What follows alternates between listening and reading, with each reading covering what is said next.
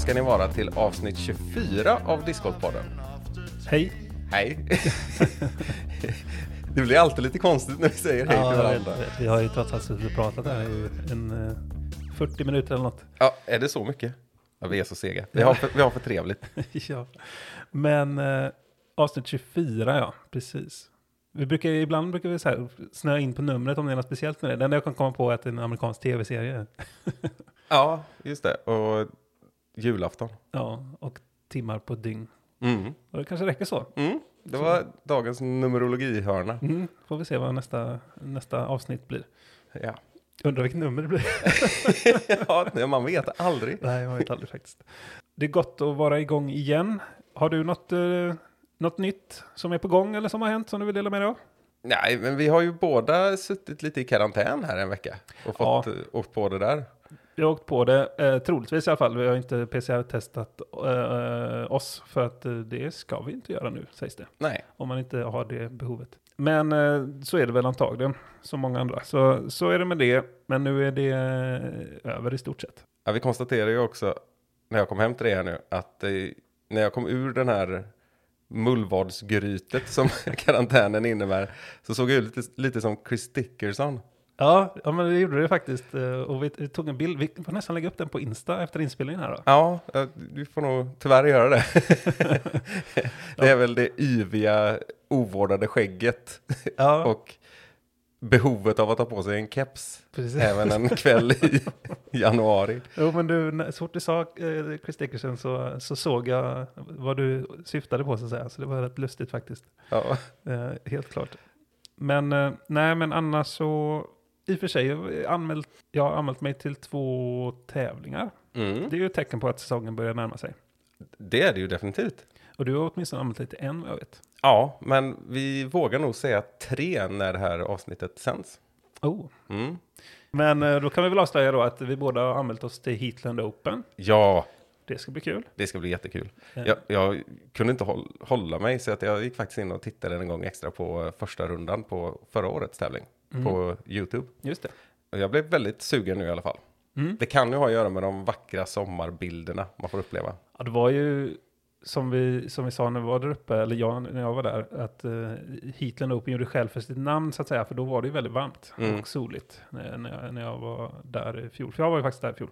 Mm. Men eh, nej, så det ska bli kul. Och jag har även anmält mig till uh, Svenska Amatörtourens första deltävling faktiskt. Mm. Där var jag inte med någonting förra året, men eh, nu spelas ju första deltävlingen i Onsala. Ja, just det. Jag tänkte precis fråga, men jag Mm. såg ju det igår typ. Så då blev jag lite sugen på att vara med. Mm. Så det ska också bli roligt. Ja, Även om jag har ju mycket otalt med Onsala när det kommer till tävlingarna. Jag lyckas inte spela bra där. det var ju det vi inte pratade om, ja.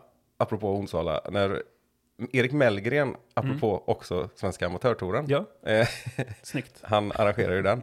Han efterfrågade ju på Facebook eh, människors bästa, eller folks bästa och sämsta runda Ja, som de hade gjort i rating då. Och jag, när jag kollade faktiskt min, jag glömde att skriva in det där. Mm. Men min bästa runda var på Onsala och min sämsta runda var på Onsala. ja just det. Ja, men fan. Det är någonting med den banan och det är inte bara jag kanske då. Nej, och jag hade väl, hade jag, ja, några hundra i alla fall, två, tre hundra eh, PDGA-rundor. Ja, Och det är inte som att jag har spelat, det är ju nära geografiskt, men jag har kanske 15 PDGA-rundor på Onsala. Max ja nej, alltså. precis. Den sticker inte ut eh, så mycket på grund av det. Nej, men jag- sen så slog det mig också, vi spelade ju DM på Onsala också. Mm. Och då gjorde jag faktiskt en bra runda. När jag Mm. mötte Olle från Alingsås där och jag tror jag gick minus fem. Mm. Och det är jag ju väldigt nöjd med. Ja, verkligen. Nu har ju banan ändrats lite sen dess i och för sig då. Ja. Vad var det vi pratade om? Jo, det, tävlingar du anmält dig till ja. Ja, just det, precis. Eh, Om man blev sugen på sommaren där ja. Man fick titta på Stanislas Aman i shorts.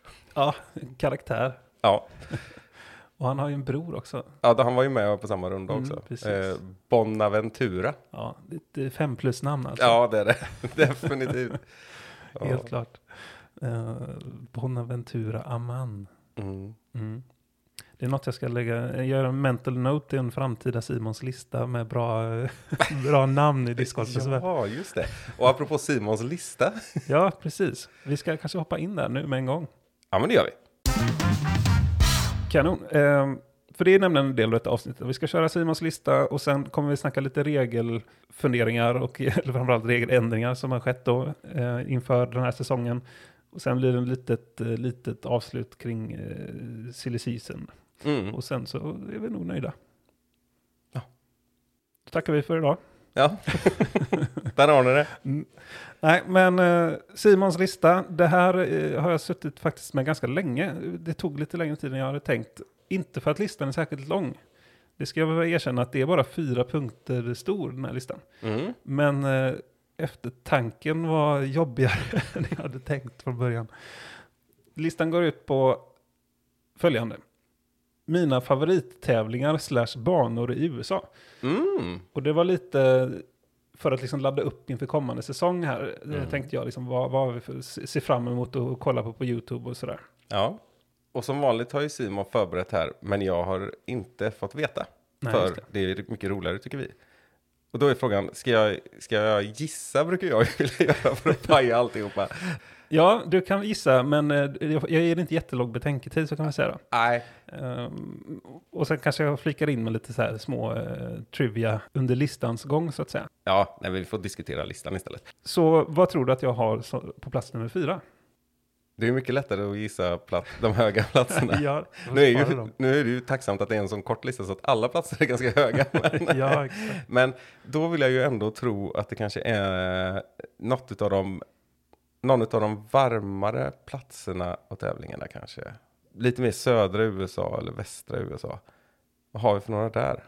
Nej men du är inte så himla mycket för The Challenge at Goat Hill till exempel va? Nej det är ju inte en topp fyra tävling. Vi säger den.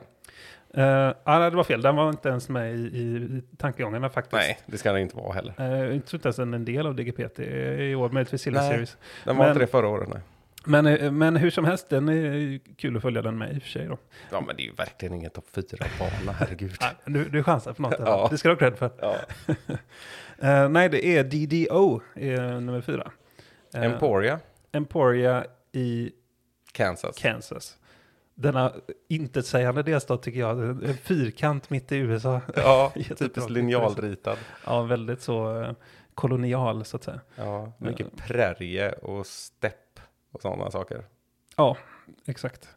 Eh, Så den ligger verkligen mitt i USA. Och eh, DDO står ju då för Dynamic Discs Open, men har tidigare år gått under ett annat namn. Glass blown open. Exakt. Det är nog fler som känner till det, för det var ganska nyligen de bytte. Jag tror det var förra året de bytte. Mm. Den här har jag med för att det är ett så stort event liksom och så häftigt. Av den anledningen, inte för att jag har varit där personligen, men för att man liksom ändå kan se den atmosfären och att det är liksom en viktig, en viktig, viktigt event för discgolfen så. Och den spelas också på två banor som är ganska häftiga båda två. Eh, Den ena heter Jones Park, eh, som brukar kallas för Jones Gold tror jag, eller så, att slingan är Jones Gold. Eh, Och sen så avslutas det oftast då på Emporia Country Club. Just det. Ehm, och det här är ju som sagt ett stort event som pågår i, i åtta dagar om jag förstått det rätt då. Där det är fem olika banor totalt då, där man ser det på alla olika klasser då. Mm. Eh, och liksom runt tusen deltagare, så det, är- det är ju häftigt. Och jag tror det har toppat på bra mycket mer än så också. Kanske säga 1600 deltagare något år tror jag. Ja, det har säkert varit så. Jag tror det har liksom varit uppe och vänt och så effektiviseras det lite och sådär. Eh, också. Hur går det med dina... Men den, jag har satt den på, kolla här. Den är på flygplansläge. Ja, vi hade störtat det. Ja. Ja, men eh, DDO är mitt val på plats nummer fyra. Mm. Och vi kan också snabbt säga att förra året så, så vann Macbeth och Hailey King den tävlingen kan väl säga då. Och att vi kan också nämna att den går av stapeln 2022, som du var inne på där, en av de tidigare tävlingarna då var unisont med, med eh, södra oftast, Mm. eh, så att säga. Och den går av stapeln då 28 april till 1 maj. Mm. Och det var ju en del minnesvärt. Nu ska vi inte snurra vidare här, för du- ska få presentera nummer tre. Men förra året, var, det var väl då Simon Lisotte gjorde en, en sån här galen roller på ett par fyra hål. och rullade liksom förbi och lång OB förbi korg, tror jag. Inte han, eh, han var väl inte med först på försäsongen? Nej, det var han ju inte. Det var det säkert två år sedan. Men det var där i alla fall. Ja, det var det nog. Eh, Eller så var det inte där.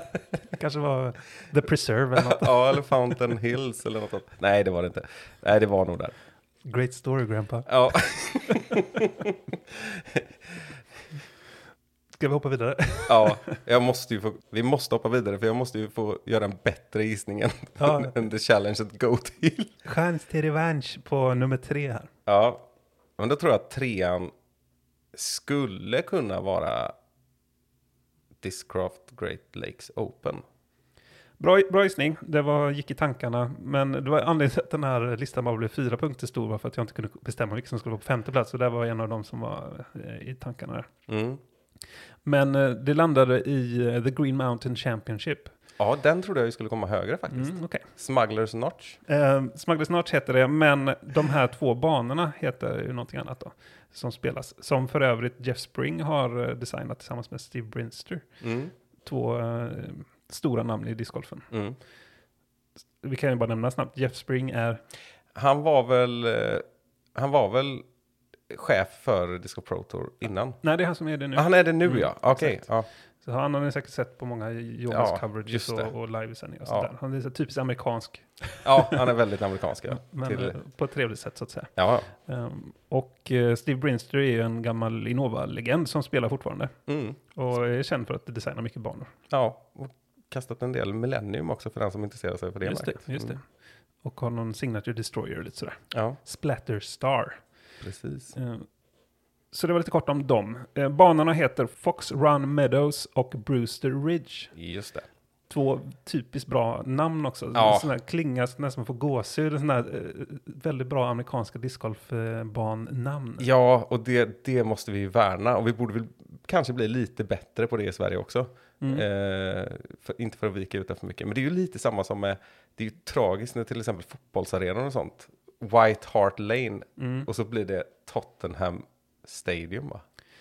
Ja, hur, hur eller, kul var det? eller Kronfågel Arena till exempel. Guldfågel Alltså, Arena ja. kanske.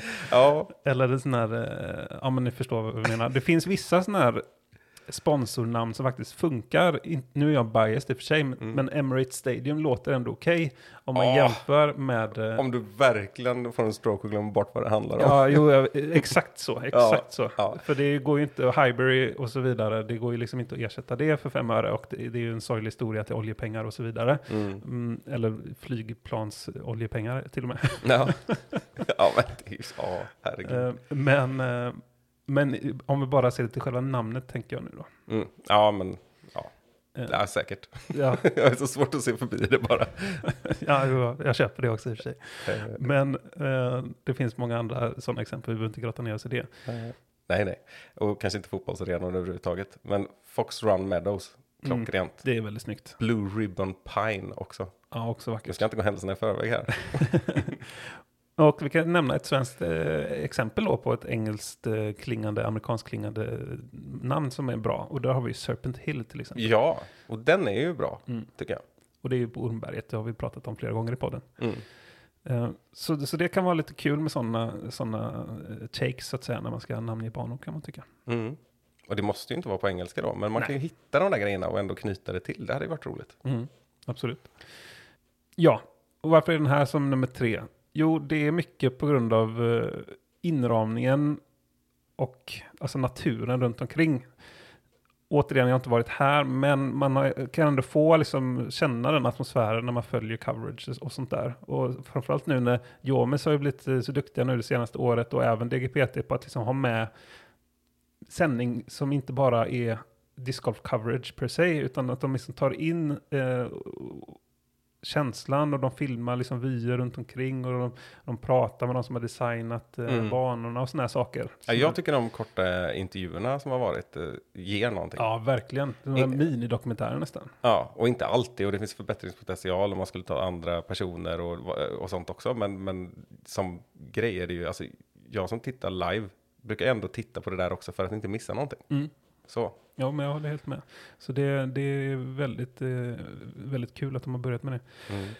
Ehm, Och det här stället gör ju själv för sitt namn, Green Mountain Championship, eh, så att säga då, att det är verkligen så här böljande stora berg med, med täckta av, av, eh, av grön eh, skog då. Eh, Mm. och så den här, eh, och så de här bergstopparna som ändå sticker upp lite, lite här och var.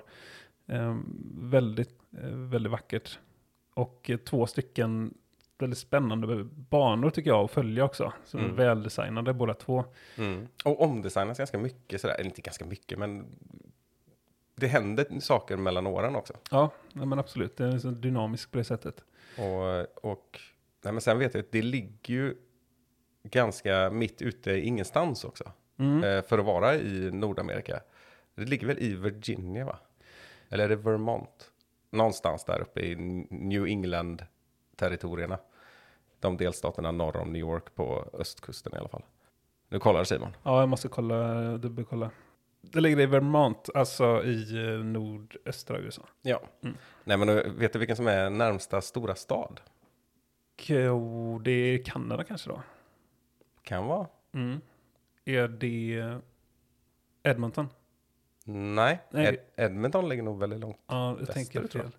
Uh, lite mitt i kanske. vänta, nu ska vi se. Montreal, Ja, tack. varsågod. Det satt långt inne, men Ja. det kom. Nej men det ligger väl liksom, ja det ligger väldigt, väldigt nära, men det ligger närmare Montreal än New York och Mm, Boston liksom. mm. Blandar ihop de där hockeystäderna ibland. ja, exakt. Montreal Canadiens och Edmonton Oilers. Ja. Har Wayne Gretzky spelat där? Eller inte? Pass. Inte Montreal tror jag, men i Edmonton ju. Mm. Mm. Jag vet däremot att det finns en som heter Patrick Roy, en duktig goalie som var i Montreal. Just det. Mm. Han, hockeykortseran alltså. Jajamän. Vilken kung han var i dem. Var han. Han och Dominik Hasek. Mm. Hasek var nog favoriten. Ja, ja, absolut. Bland målvakterna i alla fall. Buffalo Sabres. Ja, Mm. han har så skön hjälm och visir och sådär också. Mm. Och check. Ja, och fruktansvärt bra. Ja, framförallt. Upptäckte man ju sen när man inte var 12 år längre. Han var ju bra länge. Han var inte bara bra på bild så att säga, Nej, exakt. utan bra på isen. Ja. Mm. Nej, så där har vi eh, nummer tre.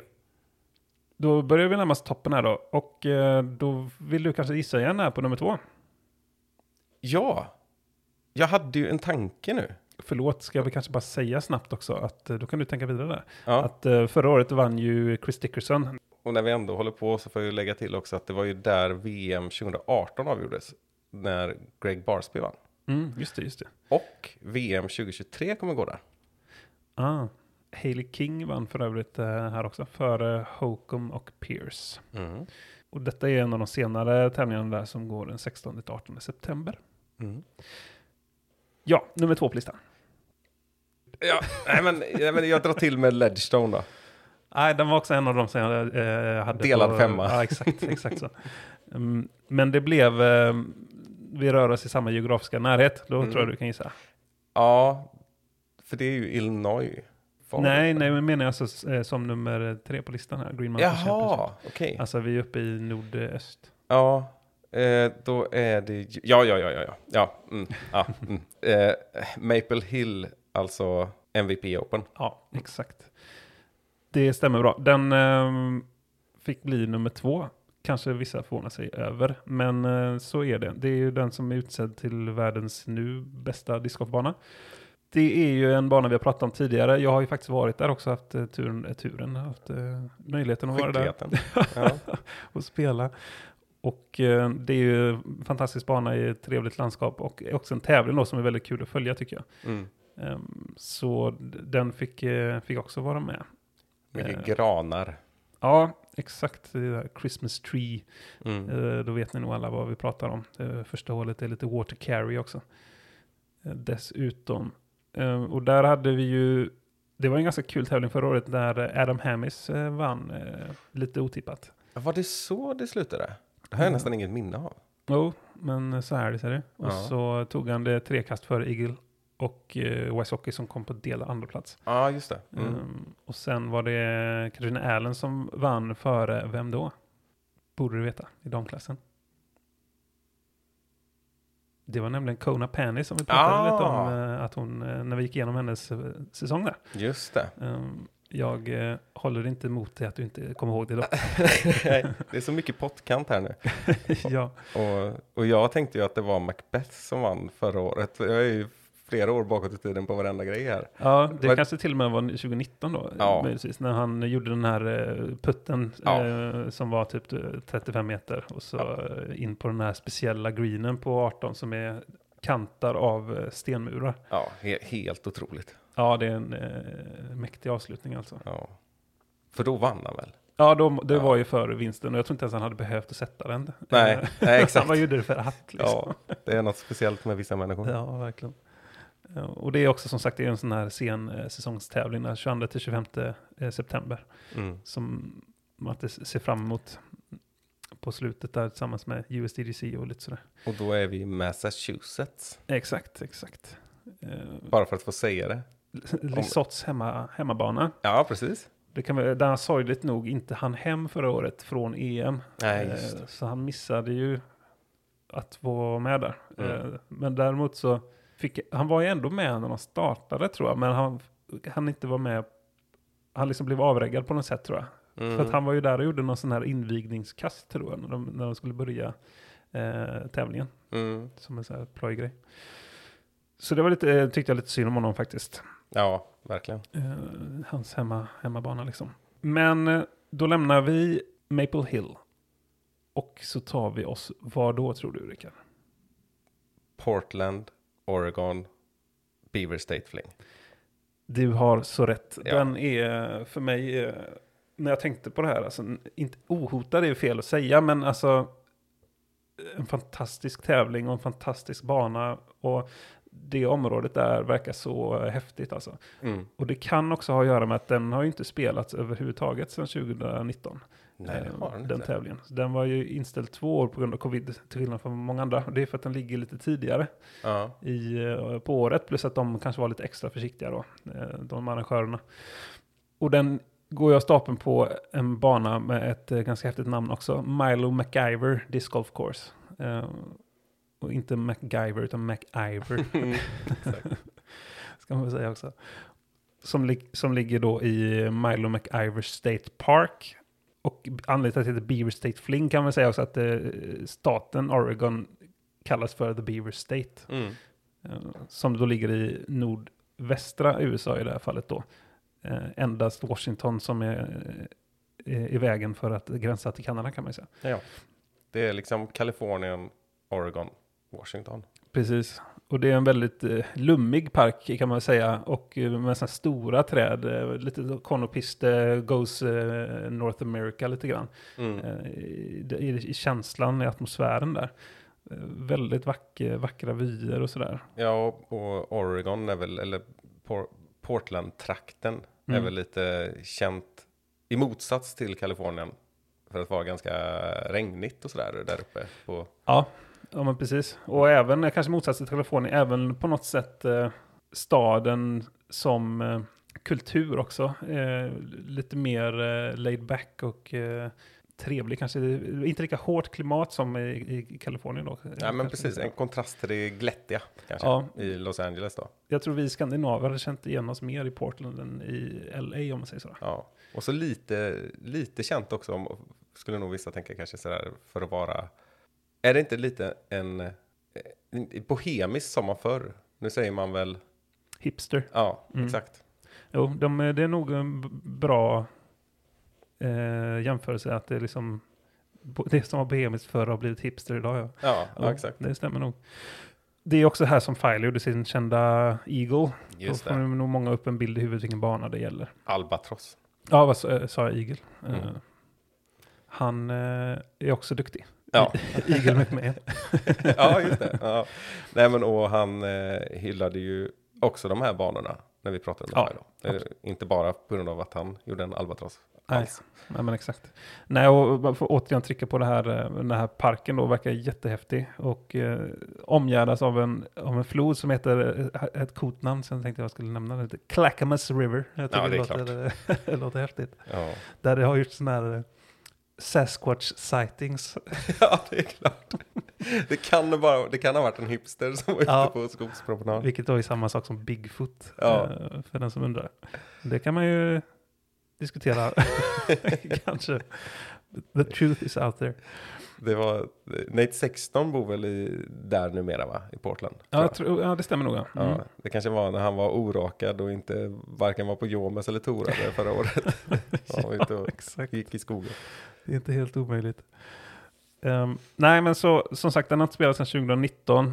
Men kan ni komma ihåg vem som vann då? Det är en svår fråga. Ja, det var en svår fråga. Men det har jag inget svar på. Du hade ingen gissning? Ja, men du får säga. Jo, det var nämligen Eagle som vann. Ett kast före, ganska otippat idag, Seppo Pajo. Ja, just det. Det var på den tiden han var bra, eller på säga. Det är sorgligt att säga det kanske. Men eh, det, han har ju faktiskt inte levererat de senaste åren. Nej, men det, det var inte länge sedan ändå. Jag skulle ändå säga att eh, Nej. var det inte våren 2020 han var sådär fantastiskt bra? Han var en topp 5-spelare i världen alltså. Och- Under några månader i alla fall. Ja, men han var väl en av de som vars momentum bröts på grund av covid kanske då. Ja, och han var, var ju inte så framträdande på EM heller. Men vi ska nog inte räkna bort honom. Nej, det tror jag inte. Jag tror att han liksom, akt- aktivt val att också ladda om lite Mm. eh, sådär och, och inte har satsat så mycket under de här två senaste säsongerna. Nej. Eh, eller framförallt den senaste då. Mm. Och han tror jag har sagt att han ska spela i USA nu eh, kommande säsonger. Ja, det skulle jag väl tro. Så det får vi hoppas att det blir så. Mm. Och sen var det inte så förvånande kanske Page Pierce som vann i damklassen före Katrina Allen. Mm. Lite mer förvånande kanske då att det var Jennifer Allen som kom på tredje plats. Mm. Eh, Men eh, hon är också lite där att hon var bättre 2019 än hon är idag. Ja. Hon som kastar långt som ni säkert vet men som puttar ganska dåligt. Om man ska vara ärlig. Mm. I alla fall de senaste åren. Hon har världsrekordet på damsidan i längd. Mm. Så det var två Allens efter Page där. Och det här är ju något som går av stapeln då i början av juni, nämligen 11 till 12 juni. Och det ser jag väldigt mycket fram emot att titta på. Mm. Och vet du vart vi kommer titta på detta? Vart är vi då, du och jag Simon? Kanske, förhoppningsvis. Är tanken. Ja, vi kanske är på Åland. Mm. Dun, dun, dun. Det är det. Så det, jag hoppas att det blir av. Ja. Det får vi återkomma till. Ja, det får vi göra. Det blir en eh, cliffhanger det också. Mm. Men där har vi listan på eh, banor slash tävlingar i USA som är eh, kanon. Mm. Den, det var en bra lista också. Den var också kanon. Ja, men vad härligt. Du godkänner de fyra valen. Ja, absolut. Mm. Eh, jag vill ju inte att Challenge at Goat Hill ska vara med. alltså, det är ju inte ens... Eh, Den är ju inte ens med på någon lista i min värld. Nej, det är inte kanske. Jag vet inte varför, det var bara det som dök upp. Ja, så är det bra. Du blir stressad. ja, jag var lite stressad. Och sen är ju inte eh, Worlds är inte med på sån här lista för det är ju liksom ingen återkommande Ja, bana. Så det förstår du att inte den är med. Även om det är en tävling man ser fram emot såklart. Ja, ja. Eh, och sen USDGC också, liksom en, ett kapitel för sig. Så Ja, det ja, behöver vi liksom inte... Den är kul på sitt sätt men också väldigt speciell. Ja, det är ju, pulsen höjs ju när det Ja, närmar sig och man ska exakt. se vilka dumheter de har hittat på. Lite så. Det, jag fick bara i örat att man skulle höra en harpa nu så att man skulle vända blad. ja, just det. Kanske ska slänga in en sån i redigeringen här. Ja, eller, eller så eh, får vi väl ha ett citat på kungen när han säger att han ska vända blad. Ja, det är inte då han säger säkert, för det är när han står och smygröker på Nobelfesten va? Ja, han har han har inte så mycket man skulle kunna ha av kungen. Små Ja. vignetter. Ja, Han gör själv för sitt namn han också. ja nej, det, var, det var väl med de här kaffeflickeskandalerna och sånt. Ja, just nu, det, nu. Ja. nu, nu vänder vi blad. Jag minns inte hur han sa det. Men, men han fick ju också frågan, Kära örebroare. ja, ja, det också. Ja, gud. Ja, vet du, du har sett vid Tjörnbron va? Han har sta- stavat fel på sitt eget namn, är det det? Ja, han var ju invid den nya Mm. Tjörnbron. Som eh, den, för, den första Tjörnbron, den gick ju inte så bra. Nej, Nej, det men- var en viss Star Clipper som eh, klippte den. Ja, 20 februari 1980 va? Eller Det 81. Ja, det kan ha varit 80. Nej, ja 80 var det, men datumet är jag okay, säker nej, på. Ja. men jag, jag blandar alltid ihop om det är 80 eller 81. Men Nej. då vet du att det är 80. Bra. En tragisk historia. Det finns säkert poddar om den, om den historien, så det behöver vi inte gå in på. Nej, usch vad hemskt. Vi kan bara säga det snabbt kanske, att det var Tjörnbron alltså, eller Almösundsbron, eller Almöbron kallas den ju ibland också. Det rasade ju, och jag tror det var 13 människor som miste, miste livet genom att de åkte ut över kanten helt enkelt. Det var en dimmig, mörk kväll, så de såg inte helt enkelt att eh, bron försvann under under hjulen på bilen. Så det är ju rätt sjukt. Ja, och det är ju en vältrafikerad eh, sträcka. Ja, det vet alla var det har- på natten på ett sätt då. Ja, precis. Sett till trafikmängden. Det är som sagt, det är, det är värt poddmaterial.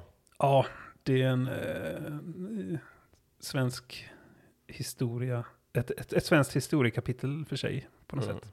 Men då byggdes ju en ny Tjörnbro. Ja, Och då var kungen där och invigde. mm. Och då har han ju, då skulle han ju göra en signatur där och sånt. Och det Mm. finns ju inristat liksom i berget. Ja. Och jag fattar inte hur detta går till. Men det finns ju då två sådana liksom plaketter. För han skrev ju fel på första, Mm, på något sätt. så jag fick komma tillbaka en Ja. vecka senare. Och jag tänker mig så här i någon, någon rock med uppfälld krage, hatt och kul lös mustasch. Ja, precis. Det var, det var inte lika mycket pompa och ståt då.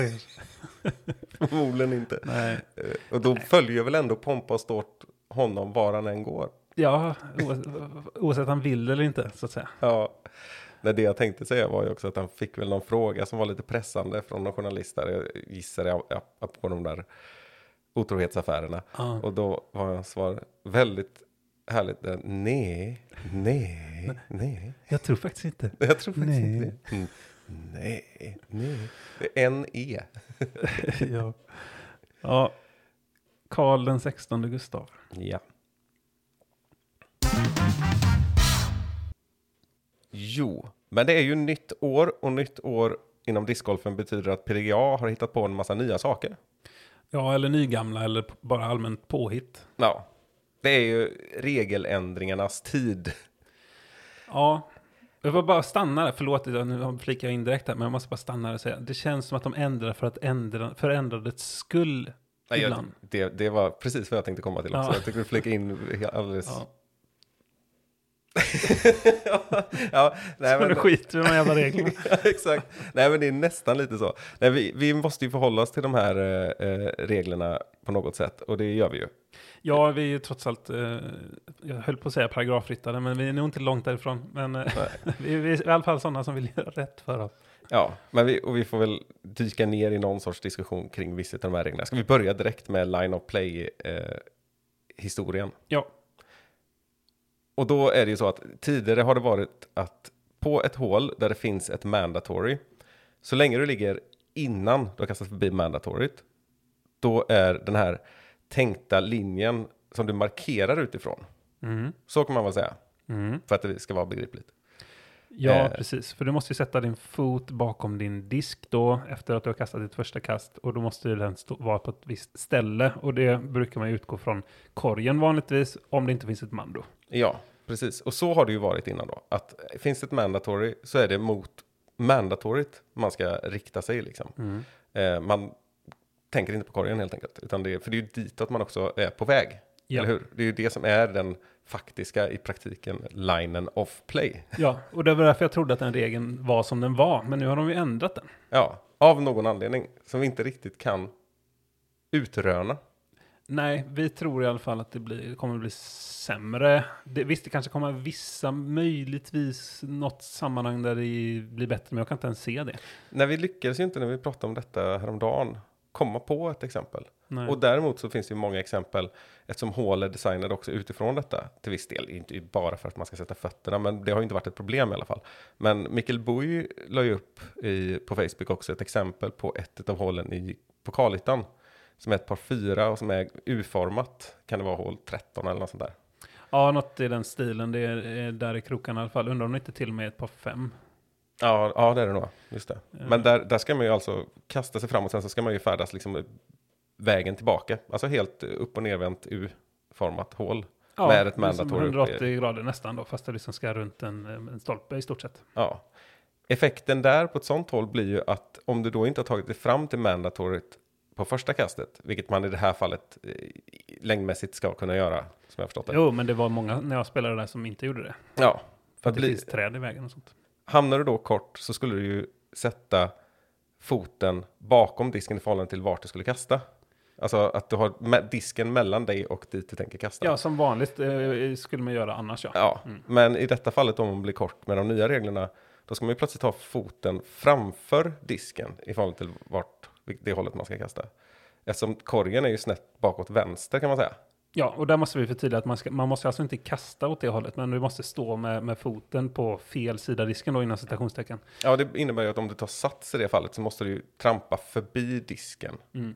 Och det här, det går ju, men Knöligt. det är ju återigen frågan, vad är regeln till för? Vilket problem löser den?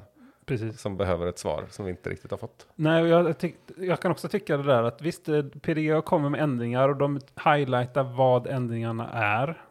Men de, jag har aldrig sett varför ändringarna är. Nej. Och det kan man ju tycka hade varit på sin plats i sådana här lägen. Ja, jag tycker helt enkelt att vi slutar hålla på med mandatories. Ja, ibland är det svårt att undvika, men eh, det kan ju vara en idé att inte är första planen i alla fall. Ja, nej, men i, i, alla, i alla lägen så är det ju så nu att när man designar en bana och vill få in ett mandatory så måste man ju ta hänsyn till detta. För det kan bli konstigt och det kan bli tråkigt. Och, alltså det finns ju hål som blir märkliga nu. Mm. Och frågan är varför, återigen. Men det vet vi inte. Nej, det vet vi inte. Så det får vi väl eh, förhoppningsvis något svar på kanske. Mm. Men eh, hoppas vi inte gjorde det för rörigt för er i alla fall. Så hoppar vi vidare till nästa regel kanske. Ja, vi kan ta några snabba här. För en handlar om att eh, man ska ha friare tyglar när det gäller till att ta en toalettpaus. Mm.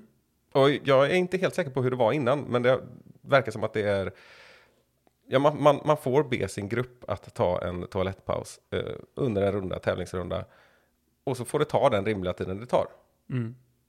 Och det är ju, är ju marknadsfört som en ändring, så att där är det ju någonting nytt. Och jag har ju haft känslan av att eh, där ska man se till att gå på toa innan man spelar såklart. Ja, och det ska man nog i och för sig fortfarande. Men eh, om nöden kallar så att säga så låter det som att eh, man faktiskt kan dra iväg utan att eh, liksom behöva sätta sig vid mandoträdet. Exakt. så att säga. Det gör man efter rundan. Man är trött på reglerna. Ja. Nej, men och sen är det ju alltid en sån här diffus fundering. Vad är rimlig tid och så vidare. Men det får man väl Mm. ja, exakt. komma överens om. Precis, du sa ju en kvart. Då tänkte jag, du är hård i magen du man. Ja, Hur Nej. akut är det om det tar en kvart? ja det, det kan inte vara särskilt akut. Men det beror ju på var man är. Är du liksom på ett öppet fält ja, exakt. jättelångt till närmsta facilitet Ja. så då hade jag gärna tagit en kvart. Det hade nog de flesta velat att det tog en kvart. ja, för alla strävna. Ja. Ja. Eh, nej, men så att det, där har vi i alla fall. Eh, tänk på det. Gå på toa ändå före rundorna. Tack. Ja. Men bra att veta. Eh, en annan sån här regel är att eh, det införs en minimiålder, som jag uppfattar det, att det inte har funnits en minimiålder, på caddies Mm, i PDA-sammanhang då. Då är det, man måste vara 13 år fyllda. just det, annars blir det barnarbete. Ja, just det. Precis. Och jag har ju faktiskt varit med om att eh, spelare har haft sina barn med sig, Mm. som är yngre än 13 då. Jag antar att det är för att det finns risk att det blir något typ av störningsmoment eller? Ja, jag vet inte. Det, det, det kan vara en sån här an- ansvarsfråga. De, de tog upp det också, det faktum att, det sammanfaller med den ålder som är föreskriven när spelare får gå rundor utan liksom ett Mm. vuxet sällskap på tävlingar. Men det är väl att någon har gjort bedömningen att är man 13 plus så kan man uppföra sig, men är man under så kan man inte. Ja, kanske. Det, för det är, sen, ca- caddies, det här är ju också intressant. Men caddies eh, är ju föremål för samma regler som spelaren den representerar. Mm. Alltså en caddy, om den gör något stör på något sätt eller sådär, så blir spelaren straffad. Det här är ju intressant att nämna faktiskt. Det här är ingen ny regel alltså. Men eh, Vi har ju ett exempel från USA där Valerie Jenkins blev diskvalificerad från tävling för att hennes caddy hade en öl med sig och eventuellt drack på den. ja, det var precis, det var Valerie Jenkins mamma. Ja. Hon, hon hoppade in de sista hålen. Hon hade gått och tittat på i publiken och hade väl druckit någon öl. Och tog med sig tomburken in och satte den i väskan. Så det var ju en tom men öppen Mm. alkoholförpackning. Och då blev hon diskad precis i slutet där, Valerie Jenkins. På grund av caddings. Och det var ju inte som att det var någon fylleskandal eller någonting. Det var Nej, ingenting det var sånt. Det var bara, grej att liksom det, Ja. hon, hon följde inte reglerna liksom. ja. Så det är också värt att tänka på. Ja, Men den här 13-årsgränsen, ja, det är nog det det beror på kanske. Ja. Det Mm. kanske inte handlar så mycket om att man utnyttjar minderåriga. alkohol, just det. ja, nej, det, ja, precis. Eh, nej, men det, det kan nog vara en mognadstanke där, ja. Även om en 11-åring också skulle varit ansvarig, så att säga. Eller föremål för Mm, samma regler och sådär. Eh, men det kan ju vara problematiskt i sig, att sätta sånt ansvar. Eh, ja, nej, men så är det i alla fall. Så lämna tioåringen hemma nästa gång du ska på tävling. Eller låt den ställa upp själv. Precis. Men då måste du följa med den när den går istället. Då får du åka det. Ja. Ehm, sen har vi också en annan lite kortare grej som handlar om att man måste ha PDGA-medlemskap om man ställer upp i en B-tier och uppåt. Just det. Det är alltså en förändring där att C-tiers vet ni säkert flera av er att ni har fått spela eller får fortfarande spela då utan att vara PDGA-medlem. Eh, det kan ju vara upp till TDn och tävlingsledningen givetvis att man bestämmer att det ska vara licens. Alla måste ha licens. Men i de flesta sammanhang på C-tiers, eller nej inte de flesta. I många sammanhang så är det tillåtet där. Och för PDGA är det också fine. Men det har också varit okej. Och det har alltså också varit okej på nästa nivå som är B-tier då. Eh, men det är det slut med nu. Mm. Och det här tycker ju vi bra. Ja, men det är rimligt, Ja. eh, kan man tycka. Ja. Faktiskt. Om man är en seriös tävlare så har man en PDGA-licens liksom. Nej, jag tycker det är lite konstigt att just på den nivån att det faktiskt har varit tillåtet. Ja, faktiskt.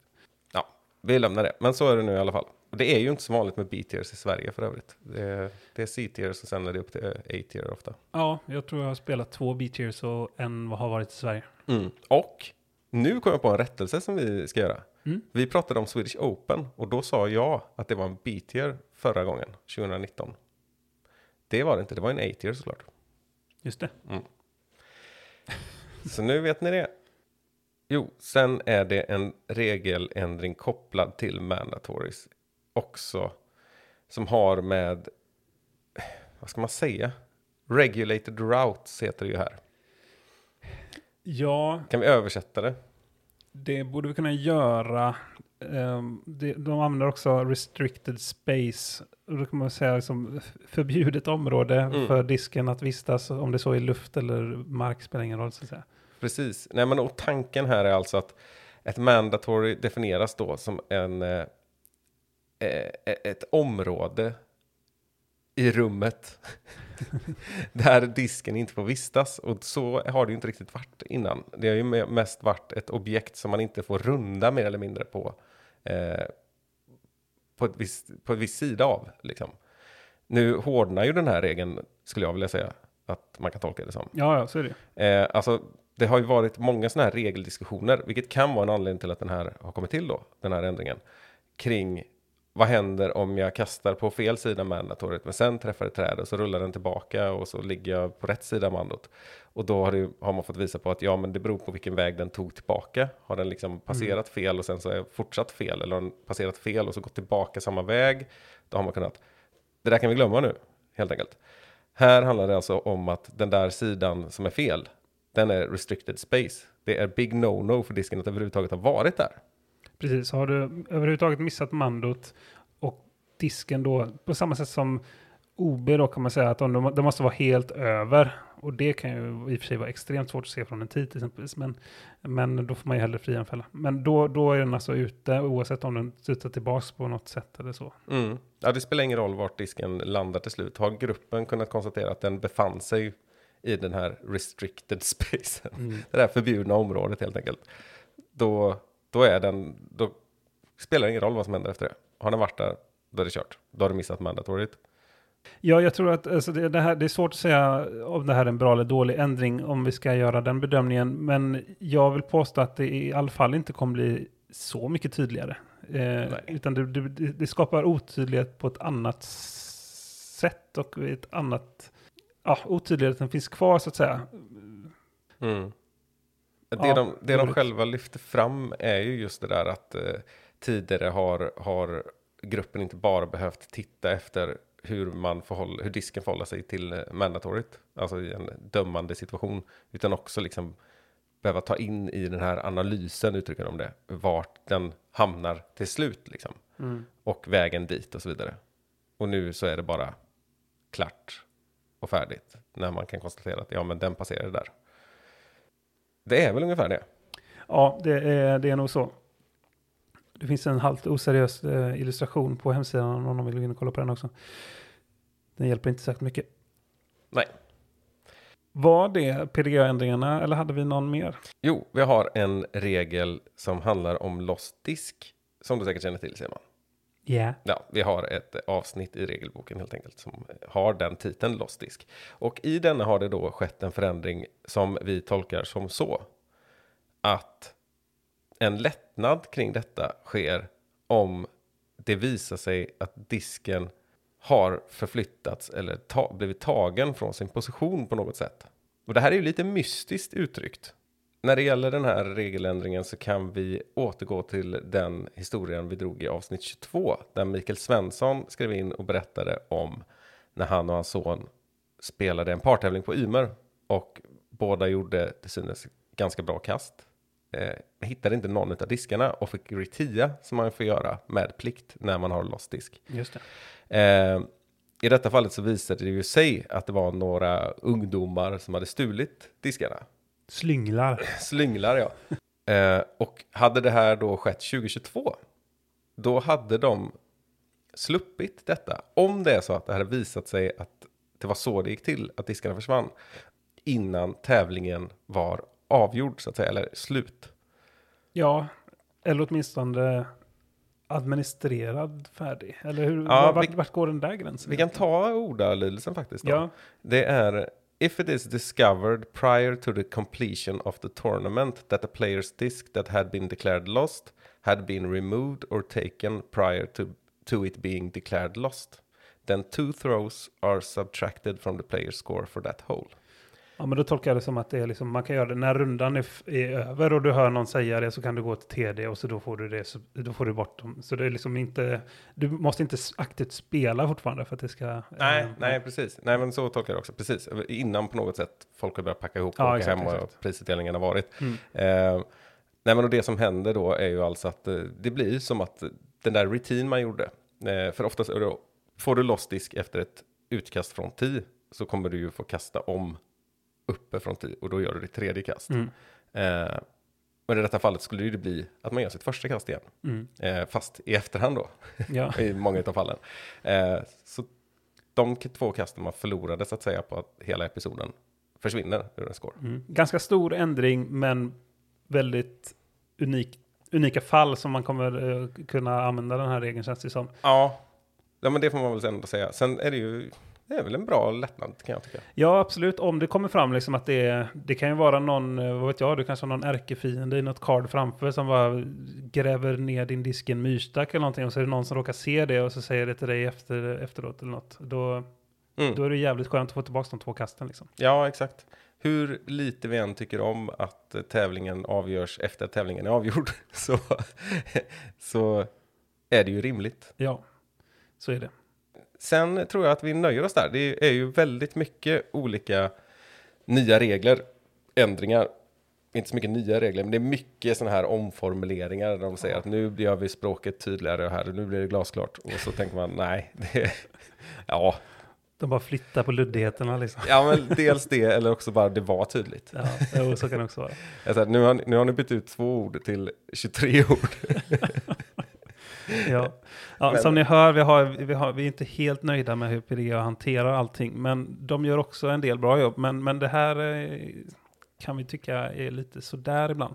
Ja, men framförallt också om det finns bra skäl. Det, är ju, det kan ju vara lite subjektivt också, även till sådana här regelfrågor, vad som är bra och vad som är dåligt såklart i ändringarna. Ja. Men det finns ju brister i kommunikationen uppenbart i så fall. Exakt, de får jättegärna eh, alltså prove us wrong så att säga genom att eh, säga ja men det här är på grund av det här och det här. Men det Mm. har de ju inte sagt, åtminstone inte som något mig. Nej, för det är ju, de har ju en sån bra question and answers eh, delar och sådär som tydliggör regler och sånt. Men Ja, just när det kommer till nya regler så, så fallerar det. ja mycket. lite så är det. Och så har vi väl, vi gillar ju brasklappar också lite grann. Och vi kan väl slänga in en brasklapp här eh, dessutom. ja, att eh, ni kan inte under en tävling 2022 säga att i Discgolf-podden sa de att det är så här det gäller. nej. Nej. Det gör inte det. Vi är ju inte facit och vi kan ju ha feltolkat saker. Ja, precis. Vi, eh, må, må vara nördiga, men, men vi, vi kan ju också tolka saker fel ibland och sådär. Men, men det här är våran, eh, våran variant av reglerna 2022. Ja, exakt. Nej, men vi, vi kan väl se det som en grund till en diskussion kring alla våra fel vi har sagt. Vi väcker lite känslor här. Vi kanske till och med smugit in medvetna fel så att folk ska börja hetsa fem, lite. finn fem fel. Ja, vi litar ju så himla mycket på våra lyssnares rättelser. Så att, eh, och vi, vi tar emot dem med glädje också. De hade ju koll på jättarna till exempel. Ja, till exempel. Det var ju också Mikael Svensson för övrigt. Ja, en av dem. Så det var fler som rättade. Ja, just det. Just det. det var ju många där. Eh, Men- men vi är väldigt tacksamma för all typ av feedback faktiskt. Ja, riktigt. ja, verkligen. Så är det. Så är det. Eh, nej, men jo, jag kom ju på, vi har ju en, en, den stora diskussionen när det kommer till regeländringarna. Oj då, har vi missat? Ja, men det är ju, ja, det får man ändå säga. Eh, disken behöver ju inte passera över korgkanten längre. Nej, just det, ja. Det är ju det mest komiska av allt. Och här kan vi ju verkligen ställa frågan varför. Eh, För att eh, Erik Mellgren ska göra mimiga videos på eh, Facebook. ja, vilket vi alla tycker om i och för sig. Ja, verkligen. Det, fortsätt med det. Även han har ju minst sagt en poäng. Eh, men vi ska ta fram den här också. Eh, Ni förstår snart vad vi menar, ni som inte har sett videon. ja, vi kommer säkert få till så att lägga ut den videon också. Ja, just det. Eller så gör vi en egen. Ja, det kan vi också göra. Eh, Jag sa ju faktiskt det innan det här eh, blev en grej och meme. Vi diskuterade ju det att det här ska jag göra på en tävling bara för att så här, illustrera hur dumt det är mm. att tappa ur på det sättet. Ja, Sen får vi se om jag vågar det. Men, eh, och det du var inne på, alltså att den behöver, disken behöver inte gå mellan korg, korgens överkant och rimmens underkant, så att säga, eh, för att räknas som i, utan den kan också gå genom liksom gallret i korgen. PDGA uttrycker det ju själva så här. Och det är under regeln som har namnet completing the whole. Och då står det This change means the group no longer has to see the disk enter the target in order to make the call. This also removes the potential of a throw that completed the hole not counting as having completed that hole because the group could not observe how the disk entered the target. Men det här öppnar ju också upp för att en disk inte måste gå i på ovansidan av korgkanten. Utan att går den in genom korgen så att säga. Återigen, exemplet Paul Macbeth på Ledgestone, hål 5 eller något sånt där. Över baseballplanen. Ja, fastnar liksom i korgkanten för ace. Men fick ju då markera, lägga i den. Mm. Eh, det hade ju räknats som ett ace nu. För Precis. att den är supported by the tray. Den behöver inte gå helt igenom där, utan den räcker att den liksom sitter fast i, eh, i, i kanten där. Och det dök ju också upp ett exempel och det var ju typ 3 januari, alltså tre dagar in med de nya reglerna så dök ju frågan upp för att då var det en korg i någonstans som eh, här i Sverige eh, som stod på en stubbe och stubben var liksom bredare än korgen Mm. och därmed kunde disken fastna mellan stubben och undersidan av korgen. Eh, och då var den ju tekniskt sett supported by the tray för utan om den inte hade varit där så hade den trillat ner. Mm. Vilket ju gör det väldigt, väldigt konstigt. Hela regeln, och återigen, det, är, det, finns inga bra, inga bra motiv som har redovisats för varför den här regeländringen sker. Inte heller den första. Det är ganska tydligt för de flesta människor när en disk är i en korg eller inte. Ja, och om det då mot förmodan en på miljonen skulle bli ett kast som, eh, där den faktiskt går igenom korgen och vilar i själva korgen och man inte ser det, då hade den, den gamla regeln då tekniskt sett inte varit godkänd egentligen då. Mm. Men vad fan, då får väl det vara okej då. Ja, Om det händer liksom, jag tror inte att någonsin att det har hänt om jag ska vara ärlig. nej, men alltså det, alltså det på riktigt öppnar ju det här upp för liksom att man köper extremt mjuka diskar som är tillåtna. Och bara kasta skithårt. Ja, men det, det är inte så löjligt som det låter alltså. Det, och, och, Jag puttar ganska hårt så. ja, nej men och det som var alltså före årsskiftet nu, det var ju också att en disk som låg och liksom balanserade på kanten, Mm. den, har ju, den har, var ju inte i för några år sedan.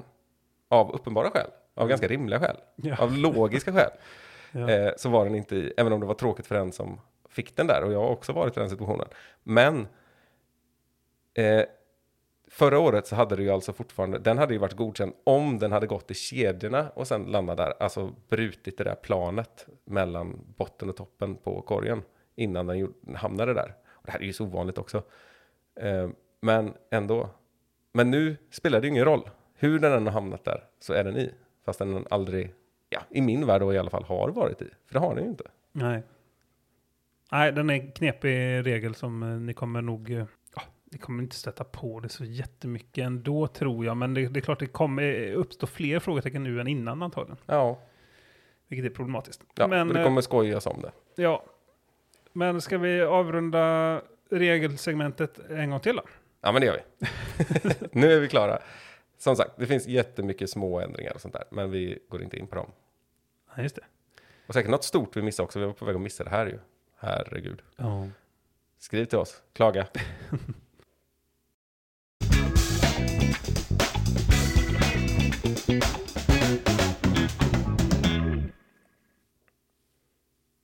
Det är lite, alltid lite jobbigt att prata regler tycker jag. För det, eller framförallt när det är sådana här regler som är så, ah, så jävla konstiga. Men eh, samtidigt är det viktigt att veta vad man ger sig in på så att säga, när man ska tävla. Och, och veta att man liksom kan hantera saker på rätt sätt och kunna svara om någon frågar eller kunna tala för sin sak för den delen.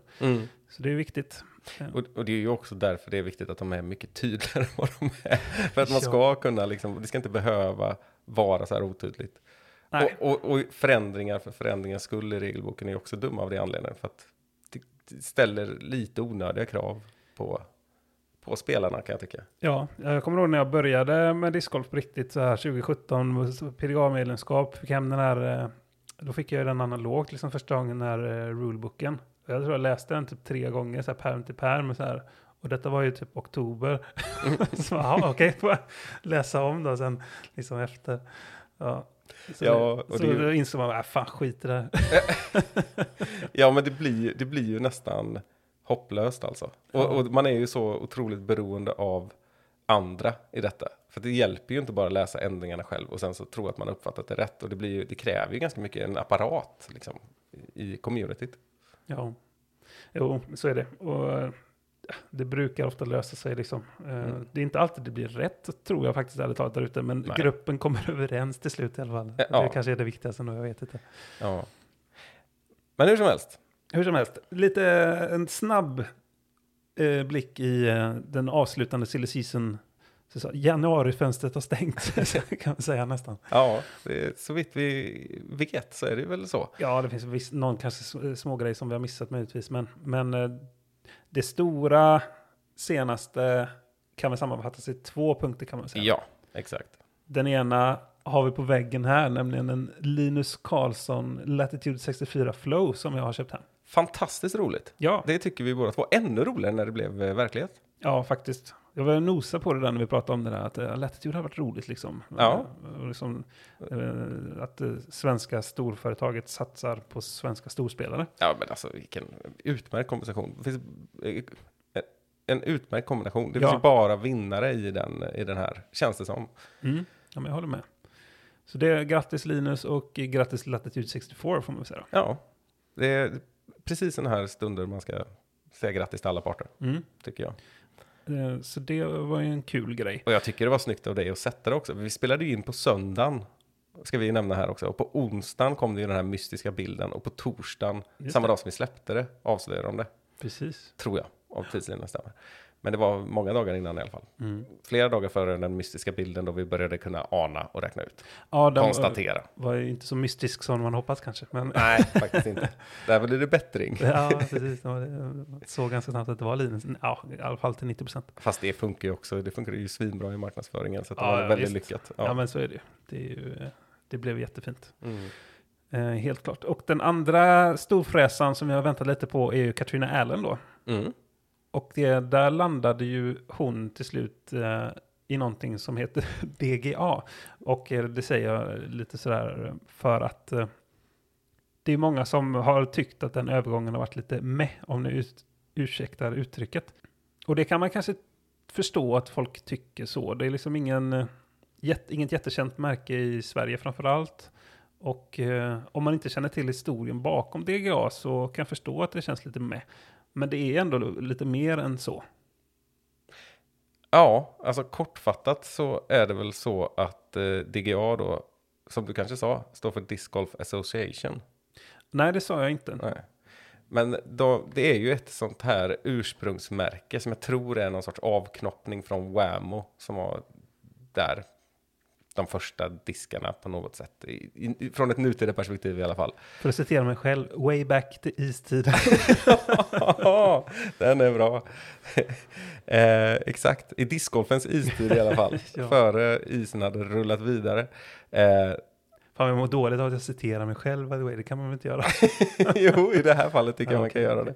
Eh, nej, men som jag har uppfattat det så hade väl till och med eh, discgolfens fader, som jag också varit inne på att han kallas, Steady Ed Hedrick, en, en, ett finger med, minst sagt, i DGAs tillkomst. Och det är ju en föregångare också, förutom som disktillverkare, till eh, dagens PDGA.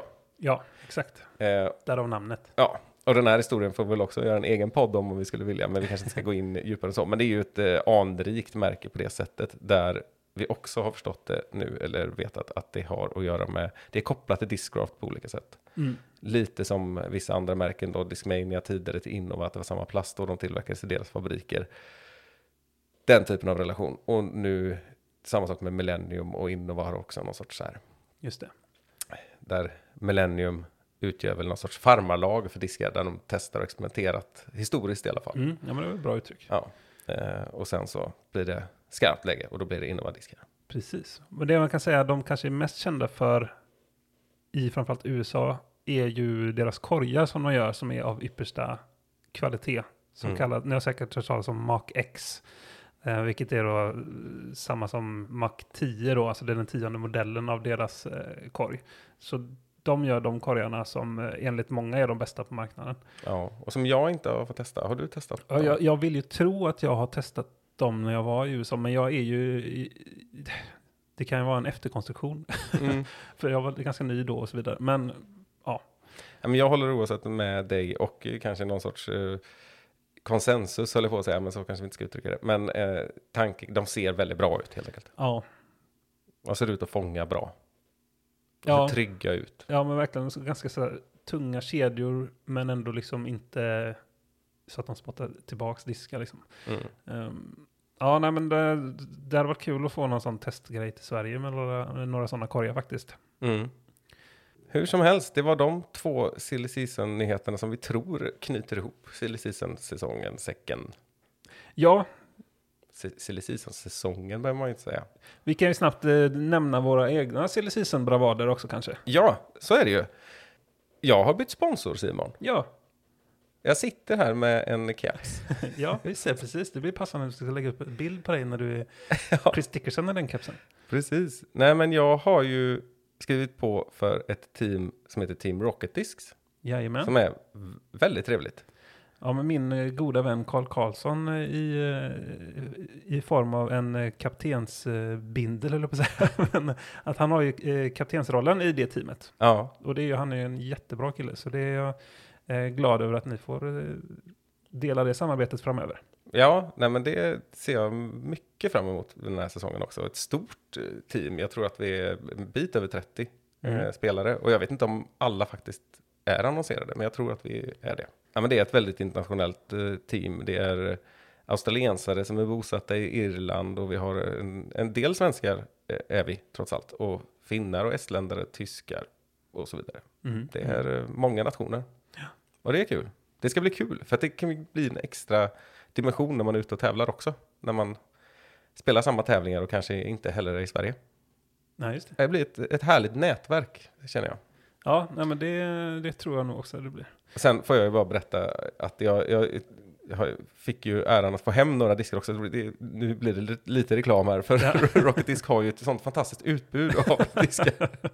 Nej men det är lite så. Jag vill ju testa lite eh, andra märken för att det är kul. Mm. För att den möjligheten finns. Eh, just i detta fallet också. Så jag har fått hem ett litet paket med eh, märken som jag inte helt enkelt har spelat så mycket med innan. De som har sett mig spela och tittat på min bag vet att det nästan bara har varit Discmania och eh, Innova. Mm. Ja, ut, utöver de två har det inte varit någon mer. I alla fall inte de senaste två, tre åren. Nej, en stackars fuse eh, en gång i kvartalet. Typ. Ja, exakt. Och det, är- det är ingen vanlig fuse det. den, Trasig. det är den, ja, precis. Den, den förtjänar en egen utläggning någon annan gång. ja. Eh, den är fantastisk. Men, eh, och en av de här diskarna då från ett lite mer ovanligt märke, det var en AGL, Above Ground Level heter det här märket. Mhm. Eh, en utav deras midrangear som heter Magnolia. Man får inte rolla med deras diskar. Nej, Man sätter namnet alltså. ja men man är ju ovanpå marken. Okej då. Ja. Man får inte rulla ner i rör som Paul Juleberg gör. Nej, just det, just det. Eh, den, ja, jag köpte i alla fall en Magnolia i glowplast.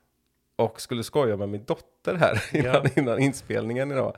Hur gick det? Eh, ja, det, gick, det, blev, det blev nästan lite läskigt i badrummet när jag släckte lampan. Hade laddat den mot lampan tyckte jag.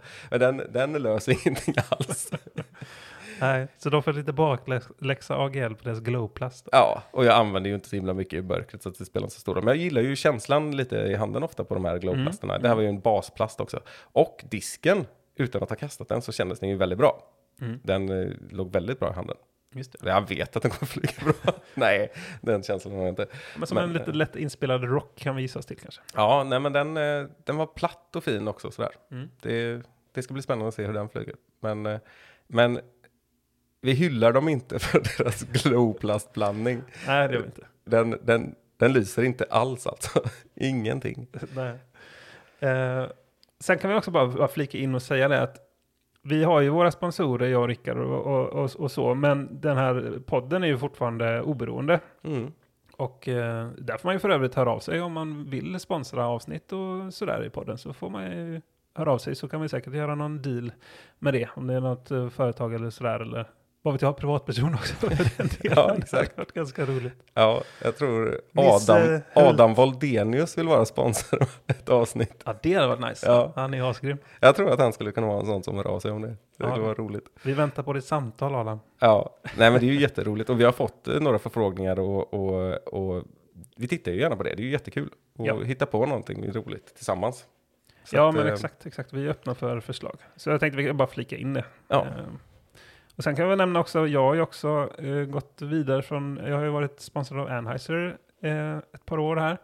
Och eh, nu har jag och eh, Erik Mellgren kokat ihop lite, lite grejer här.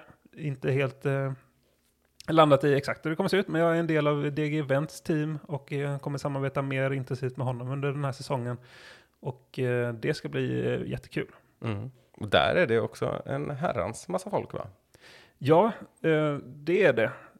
Jag kommer inte nämna alla, men eh, Gus, eh, en ny på västkusten här som är med och är en glad prick, så det är roligt. Och sen har vi också två juniorer i form, i form av eh, båda härstammande från familjen Håkansson så att säga. Just det. Och de har vi nämnt lite tidigare i podden här som två stycken långkastare som vi har mött på Ymer bland annat. Ja, fantastiskt talangfulla unga spelare som också eh, väldigt trevliga att ha kring sig. Ja, verkligen. Ja.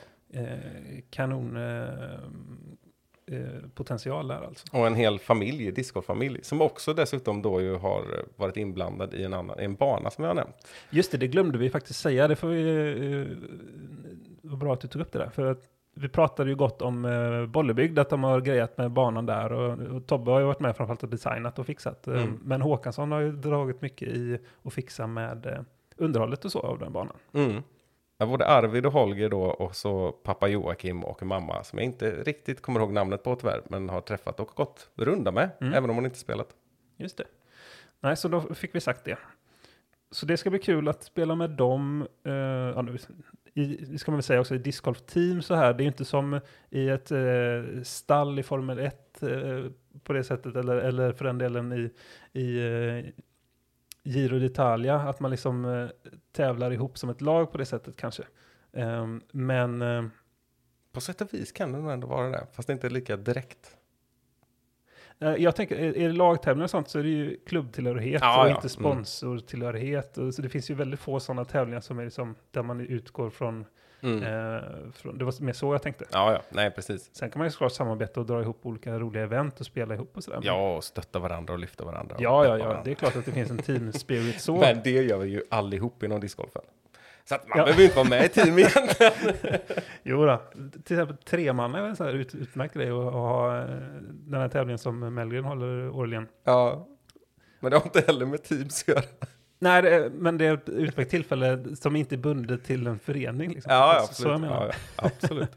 Annars är det ju ofta det i övrigt, när det är DM eller SM eller här saker. Mm. Så får det bli för den här gången kanske. Ja, det tycker jag. Då avslutar vi genom att eh, säga Heja Linus Karlsson och eh, Letty 64 kommande säsong. Det ska bli väldigt roligt att följa honom. Absolut. Heja Team DG Events. Heja Team Rocket Discs. Ja, Eh, heja, vad ska vi heja på mer? ja vi hejar, heja discgolf som du skrev gång. Ja, det är en bra, bra sammanfattning. Heja 2022, heja discgolf. Exakt.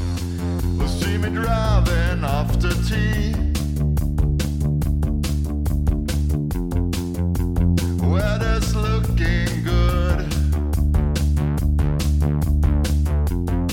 I got a disc bag full of tricks. Yeah, I got them spinning. I'm listening to music you can't hear.